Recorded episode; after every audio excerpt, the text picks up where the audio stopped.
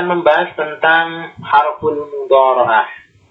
Apa yang dimaksud dengan harful mudhara'ah? Di sini disebutkan harful mudhara'ah adalah huruf yang menjadi ciri khas dari fi'il mudhari. Jadi, setiap fi'il mudhari dia mengandung apa yang dikenal dengan harful mudhara'ah.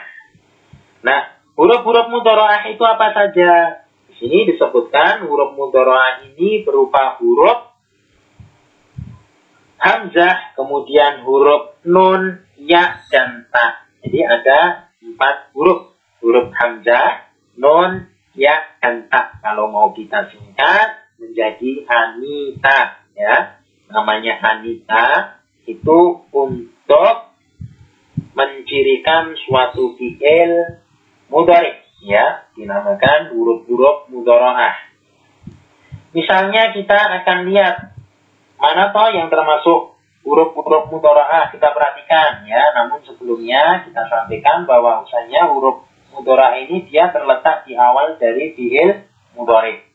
Saya misalnya saya sampaikan di sini yak tubuh. Nah, kita perhatikan di awalnya dia ada huruf ya. Ini namanya huruf ya yang dikenal dengan huruf mudoroah.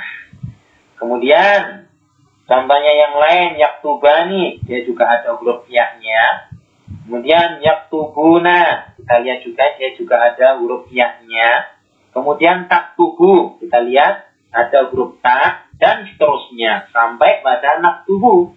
Nak tubuh dia ada huruf nunnya, nun di awal dari suatu fiil. Nah itu semuanya dikenal dengan huruf-huruf mudoroah. Itu huruf yang menjadi ciri khas dari fiil mudorek. Baik, demikian pembahasan kita tentang fiil ya, fiil ya pada pembahasan ini kita telah membahas tentang fiil ditinjau dari waktu terjadinya. Dia ada sekali lagi saya ulang, ada fiil madi, kemudian ada fiil mudhari dan fiil amr.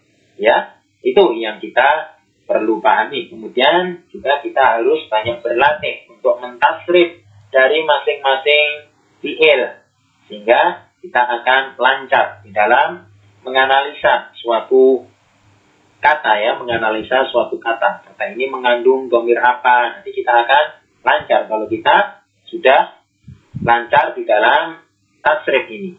Baik, mungkin untuk pertemuan kita kali ini kita cukupkan sampai di sini. Mudah-mudahan Allah Subhanahu wa taala masih memberikan kepada kita keistiqomahan sehingga kita di dalam mempelajari dinul Islam ini khususnya pelajaran bahasa Arab ini dimudahkan oleh Allah Subhanahu wa taala dan selalu diberikan taufik oleh Allah Subhanahu wa taala.